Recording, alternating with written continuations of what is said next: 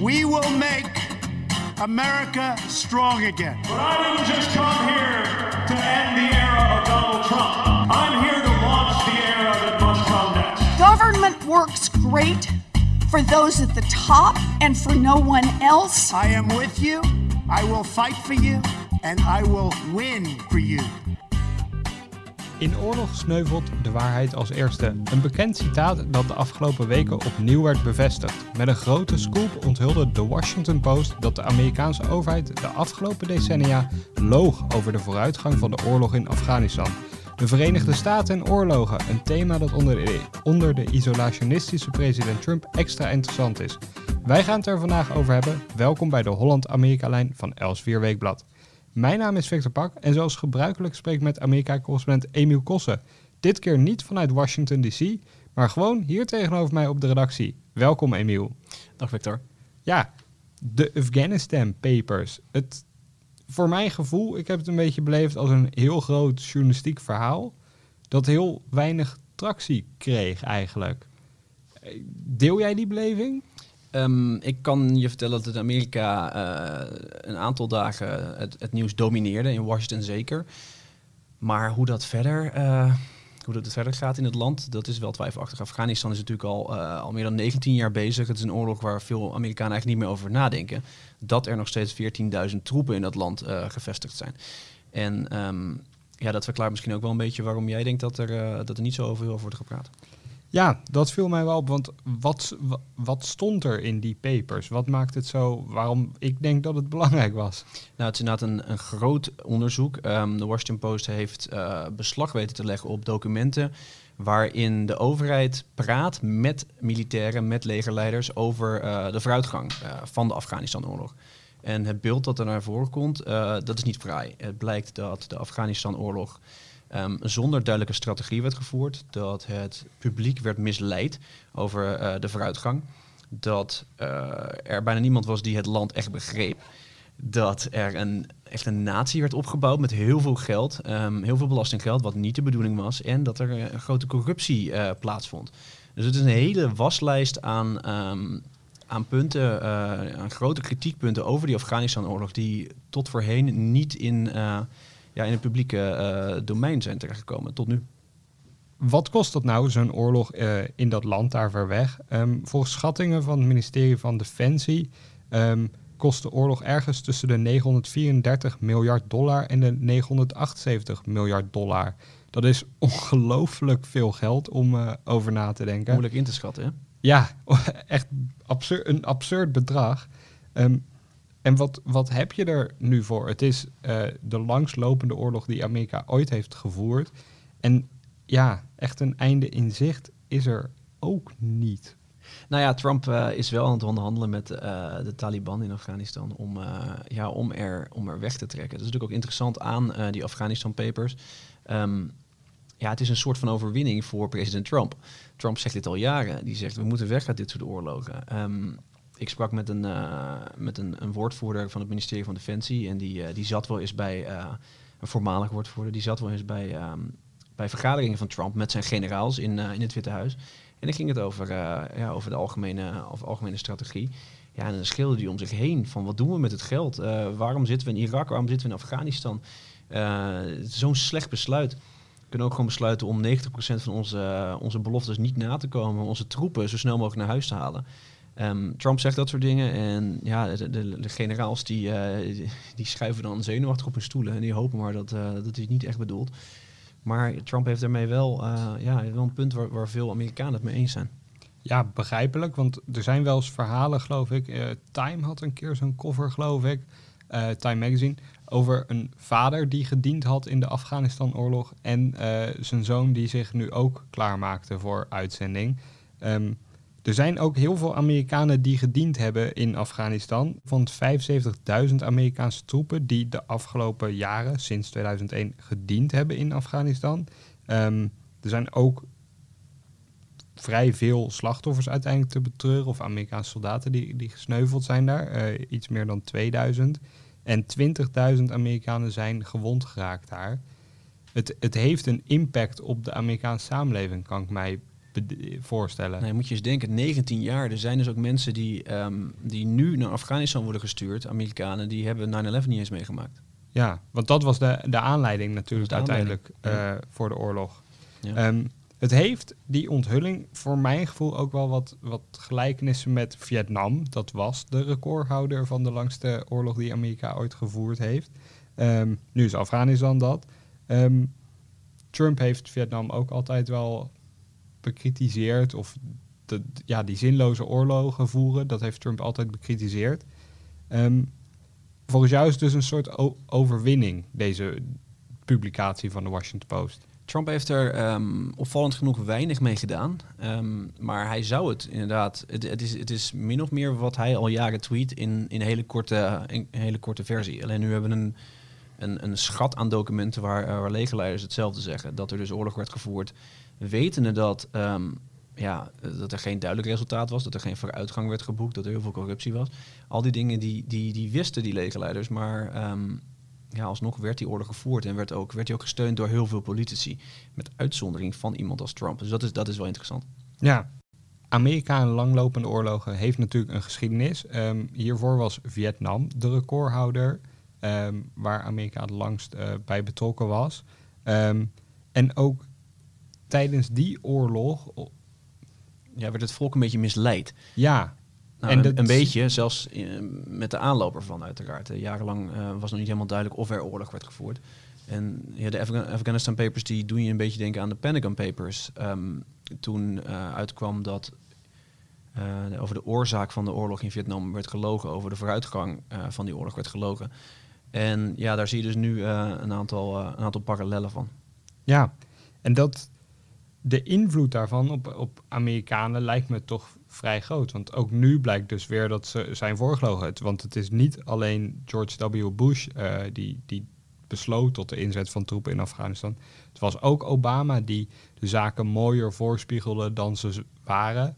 En ook Trump heeft toch met vooral dat nation building aspect, het opbouwen van een staat in Afghanistan, eh, het mooier voorgesteld dan het werkelijk is. Re- retorisch probeert Trump ehm, de strategie in landen als Afghanistan eh, onderuit te halen. De strategie van de afgelopen jaren. Maar ehm, ze zitten er nog steeds. Die 14.000 zijn er nog steeds.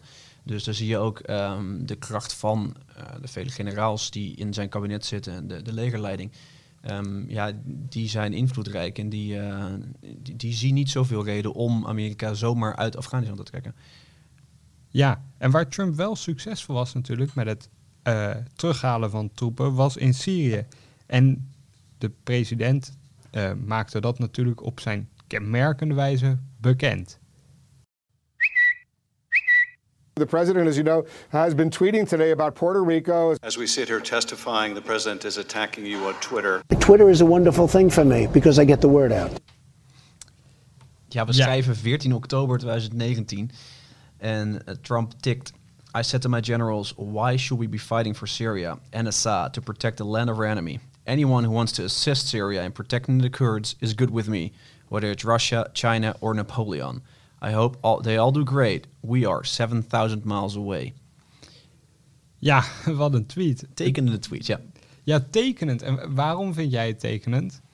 Nou, hij zegt dus tegen zijn generaals per Twitter: ehm, wij gaan Syrië uit. Niet de eerste keer dat hij dat deed, maar wel eh, deze keer ehm, dreef hij zijn zin door. Hij deed ook eind 2018 ehm, op eenzelfde manier, ook op Twitter. En toen was er een, eh, een outcry, noemen ze dat in Amerika. Iedereen was boos. Eh, de legertop was boos. Eigenlijk vrijwel alle politie waren boos. Je kan je niet zomaar terugtrekken uit een land. We hadden het hier maar over een, eh, een, relatief kleine groep soldaten, maar toch. Ehm, destijds is hij uiteindelijk, heeft hij zijn beleid terug om, omgekeerd. Is, zijn, zijn de troepen toch in Syrië gebleven. Deze keer niet. Eind oktober eh, haalde hij het grootste deel van de troepen weg. Tegen de zin van de legerleiding. Ja, en terwijl in 2018, toen hij het ook probeerde, toen was er dus eigenlijk ongekend, maar verenigd verzet tegen de president, ongeacht politieke kleur. Ehm, nu dreef hij wel zijn zin door, ehm, mede dus met die tweet. Ehm, wat ik wel opvallend vind, is hij noemt zijn generaals letterlijk zijn generaals, my generals. Dat is een heel vreemde manier van, van spreken over het leger, waar meestal met een zekere distantie, afstandelijkheid volgens mij tussen, tussen de president en het leger wordt gesproken. Maar Trump claimt dat leger echt als, als, alsof het van hem is. Het is niet het Amerikaans leger, maar Trump-leger of zo. Ja, dus een soort rare contradictie gaande. Ehm, Trump is heel trots op het leger. Hij, hij eh, noemt het, benoemt het in elke, in elke speech die hij geeft. En hij noemt inderdaad zijn generaals my generals. Ehm, hij heeft er een hele hoop in zijn kabinet geplaatst. Van eh, General John Kelly tot, eh, tot Mattis, de, de voormalige minister van Defensie. En tegelijkertijd, ja, je hebt dus die obsessie. Hij is heel positief over het leger. Maar tegelijkertijd wil hij een beleid, een America First beleid... dat tegen de wensen van dezezelfde generaals ingaat. Ja, Dus in principe is het My Generals is dat eh, lovend.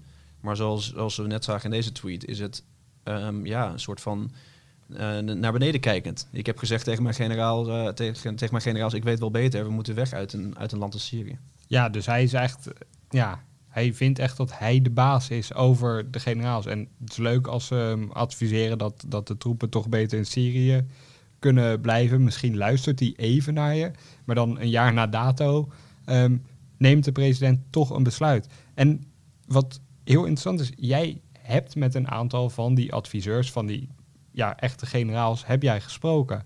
Ehm, laten we daar even naar luisteren. I think they felt I was underestimating, and not just me, many of my colleagues, that we were all underestimating their capabilities, Their political capabilities. their strengths, their wisdom, their intellectual capacities. Ja, dit was eh, Michael Nagada, zeg ik dat goed zo? Nagada, ja. Ja. ehm, wie was hij precies? Ehm, hij is een belangrijke eh, luitenant-generaal. Hij heeft in eh, Syrië gezeten onder, de, onder Obama. En is tegenwoordig, was tot voor kort, directeur terrorismebestrijding in Washington. En gaf dus ook advies aan het Witte Huis. En wat hij hier net in deze, deze eh, quote zegt, is dat er eigenlijk niet naar werd geluisterd. En ook niet naar andere eh hooggeplaatste legerofficieren. Omdat de, ehm, ja, de mensen in het Witte Huis dachten dat zij wel beter wisten alle leger, de hele legertop kan zeggen... we kunnen niet zomaar weg uit, uit Syrië. Want er is bijvoorbeeld nog steeds islamitische staat. Maar deze mensen dachten wel beter te weten. eh laten de rest dat maar oplossen. Ja, lijkt me wel lastig voor, voor Nagada. Als je... Nee, je ziet ook een, eh, een, een kleine exodus aan, eh, aan, aan legerofficieren die, ja, die dus stoppen. Net zoals Nagada die een paar maanden geleden met pensioen is gegaan. En ook daarna meteen dan best wel kritisch is in de media. Dat is het meest opvallende hier. Ehm, je moet niet vergeten dat mensen in het leger, ook als ze met pensioen gaan, gaan ze echt met pensioen. Dat betekent geen media-interviews, geen kritiek.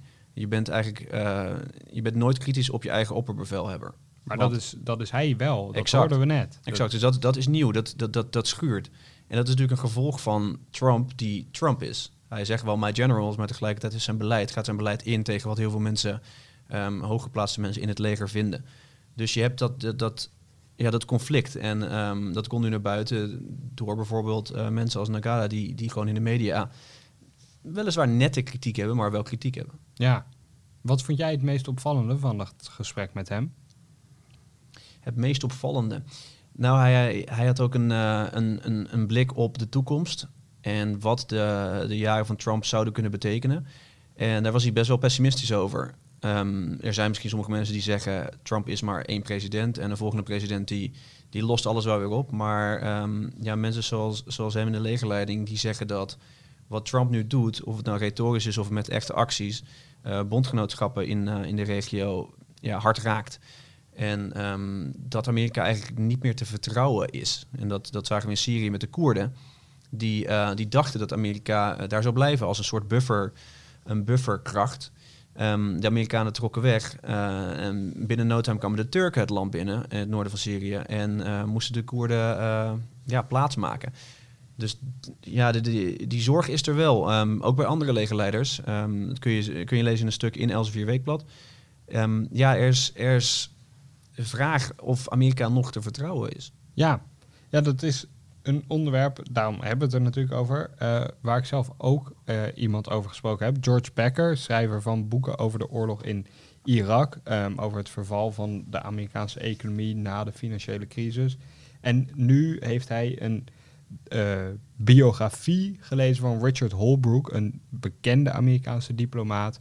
Ehm, meer dan een diplomaat werd hij uiteindelijk nooit. Dat maakt het een zeker tragisch figuur. Maar wel eentje met gigantisch veel invloed. Hij zorgde voor de vrede tijdens de Bosnische oorlog in de jaren 90. Ehm, en ook Packer die, die maakt zich eigenlijk zorgen over de invloed van Amerika en eigenlijk het verval van de Amerikaanse macht die is opgebouwd sinds het einde van de Tweede Wereldoorlog. Laten we daar ook even naar luisteren. And then with Trump has been an active effort to destroy what those architects built back in 1945 and 46 and 47. Ja, Packer maakt zich dus zorgen over de ontmanteling van de wereldorde die Amerika heeft opgebouwd na de Tweede Wereldoorlog. Dat zijn met instituties als het IMF, uh, de NAVO natuurlijk. Trump laat zich daar ook geregeld kritisch over uit.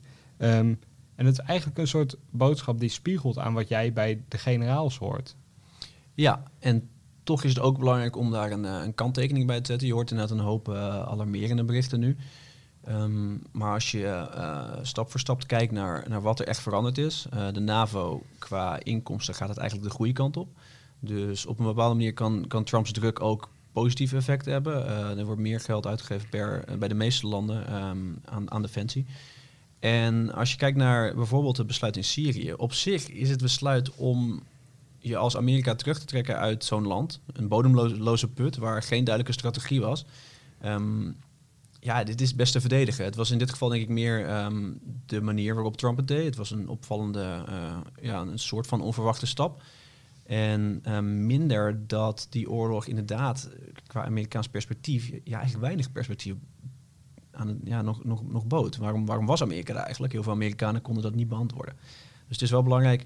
Je snapt dat, dat, uh, dat denkers dit zeggen, dat Trump een hele hoop invloed kan hebben op lange termijn. Maar er zijn ook dingen voor Trumps beslissingen te zeggen. Ja, maar Packer die stelt er tegenover dat het er toch op lijkt dat Amerika zich aan het terugtrekken is. En dat Trump ook actief of actief, maar Trump is ervan overtuigd volgens Packer dat, die, dat de wereldorde zoals we die kennen, dat die nadelig is voor Amerika. Dat we nooit um, op militair actief hadden moeten worden, dat misschien de NAVO ook niet echt een goed idee is, omdat volgens Packer is dat Trump ervan overtuigd is dat, we daar geen, dat Amerika daar geen baat bij heeft. Is dat een lijn die nou veel gehoord wordt in Amerika? dat de NAVO eigenlijk ja, zinloos is. Ja, het is natuurlijk lastig met deze president om um, in zijn hoofd te kijken. Er zijn dagen dat hij retorisch heel, um, heel pessimistisch is over Europa, over de NAVO, over um, alle oorlogen die Amerika voert. Maar tegelijkertijd staat de NAVO nog steeds. Zijn het inderdaad vooral retorische aanvallen en niet, uh, niet, niet, niet, niet aanvallen in de realiteit. En ja, is het dus de vraag. We weten natuurlijk niet wat het op lange termijn betekent, het presidentschap van Trump. Maar Amerika is nog steeds een gigantische kracht. Uh, troepen van Amerika zijn nog steeds overal. En ergens um, is Trump vooral bezig met politiek gewin op de korte termijn. En het is dan het is afwachten wat dat dan op de lange termijn betekent. Maar het is natuurlijk wel belangrijk om te bedenken dat heel veel Amerikanen um, het helemaal niet erg vinden om, om troepen weg te halen uit een plek als Syrië of Afghanistan. Nee, die zijn er wel klaar mee, zeg maar. Ja, er is een, een heel groot uh, contingent Amerikanen zijn klaar met alle oorlogen waar ze in zitten. Ja. Maar ook wel logisch, want je wordt er continu over voor, voorgelogen. Ja, dat is wat dat betreft logisch. Er gaan heel veel mensen naartoe, wat je zegt. Het beïnvloedt een hele samenleving. En ja, um, ja dat, dat, je snapt dat mensen uit die oorlog weg willen, maar als je vraagt, uh, moet Amerika zijn, zijn rol als wereldmacht opgeven, dan, dan zijn die percentages natuurlijk een stuk lager. Ja. En het is de vraag of Trump er echt over nadenkt. Vraag het me af. Um, we kunnen wel zeggen dat een hoop van zijn adviseurs in het kabinet, um, ja, dat zijn traditionele republikeinen die hem elke keer weer uh, waarschuwen tegen te felle aanvallen tegen de NAVO bijvoorbeeld. Ja. Nu is dat bijvoorbeeld vooral Mike Pompeo, de minister van Buitenlandse Zaken. Ja, die gaat nu alle Europese landen af om iedereen elke keer maar weer gerust te stellen. Ja, dat dus het wel meevalt. Trump die maakt een aanval en dan komen er gematigdere republikeinen of uh, die ons proberen te overtuigen dat, dat Trump het echt niet zo bedoelt. Dat hij vooral boos is dus over dat Nederland al jarenlang te weinig betaalt aan de NAVO. Ik bedoel, ergens heeft Trump natuurlijk ook een punt. Het is heel gek dat we die, die streeflijn hebben op 2%. En ja, ook Nederland, net als Duitsland en andere Europese landen die willen er maar niet aan voldoen. Dus in dat opzicht is misschien die, die, die woede, want dat is het soms toch wel, tenminste als ik de Twitter-tijdlijn van de president bekijk, eh, wel te begrijpen. Nou, hij heeft een punt dat, uh, dat maar weinig bondgenoten aan die 2% komen, die 2% uitgavennorm die, uh, die ze zelf hebben besloten. En um, om eerlijk te zijn, neemt Amerika ook een voortrekkersrol daarin.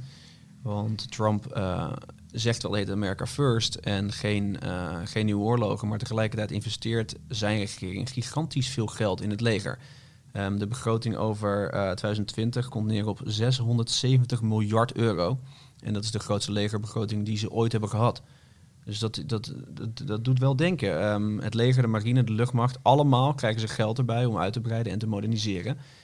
En, um, Zit daar dan ook die Space Force bij? Zeggen, hij ja, zo uh, ja.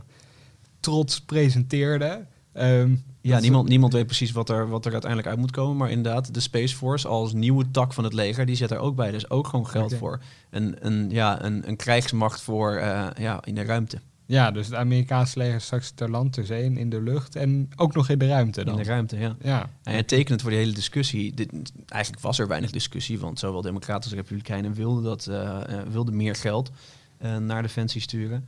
Um, ja, was de reactie van de nieuwe minister van Defensie, Mark Esper. Um, ja, die zei dat hij eigenlijk helemaal geen, geen, geen klachten had. Dat hij helemaal niks meer wilde discussiëren over het nieuwe budget.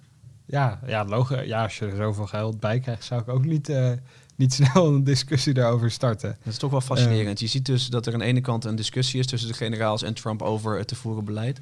Uh, maar aan de andere kant is er geen enkele discussie over het feit dat ze veel meer geld gaan uitgeven. Ja, wat wil hij er dan eigenlijk mee? En heeft de gewone Amerikaan eigenlijk nog, nog zin om dat leger in te zetten? Ja, dat is eigenlijk wel uh, de hamvraag, de beste vraag die je kan stellen. Wat wil Trump eigenlijk met het leger? Behalve het soort zien als een, als een PR, een PR-tool. Um, wat wel duidelijk is, is dat de Amerikanen ja, oorlogsmoe zijn. En zelfs de mensen die zelf in het leger hebben gezeten. Er zijn fascinerende peilingen van Pew Research, um, genomen onder veteranen. Ja, en die zijn eigenlijk, uh, als je ze vraagt, waren, uh, waren de volgende oorlogen het vechten waard? Dan zeggen ze zowel in Irak 64%, Afghanistan 58% en Syrië 55%. Dus duidelijke meerderheden ja, zeggen dat eigenlijk die oorlogen helemaal niet het vechten waard waren. En dat, dat doet wel denken um, ja, wat, ze, uh, wat ze denken over een, volgende, mogelijke volgende oorlog. Een opvallende conclusie zo, Emiel. Um, en ook het einde van deze Holland-Amerika-lijn. Binnenkort zijn we terug met een speciaal vooruitblik op het verkiezingsjaar 2020 met alles wat president Donald Trump te wachten staat. Wilt u die nou niet missen? Abonneer u dan op Els4 Weekblad via uw favoriete podcast-app. En voor nu bedankt voor het luisteren en tot dan.